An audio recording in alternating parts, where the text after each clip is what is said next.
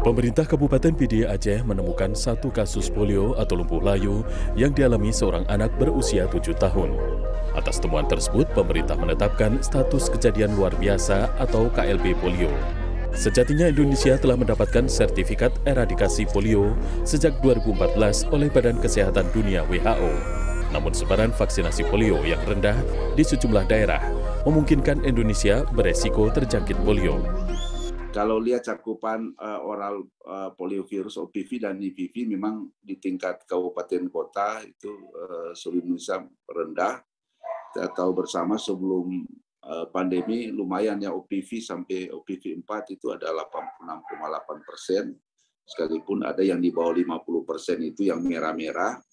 Ya di Kalimantan, Sumatera, kalau lihat Aceh ya sejak tahun 2020. Tinjauan Kemenkes ke lokasi mendapati lingkungan sekitar pasien masih kurang menerapkan perilaku hidup bersih dan sehat.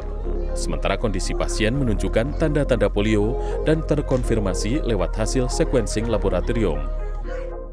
Hasil sequencing itu uh, polio tipe 2. Ya.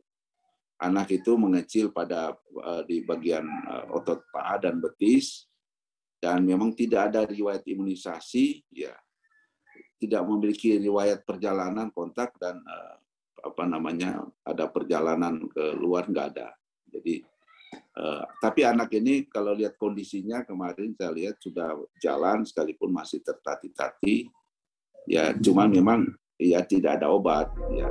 Selain Indonesia, per 15 November 2022, ada 15 negara di dunia yang melaporkan kasus serupa.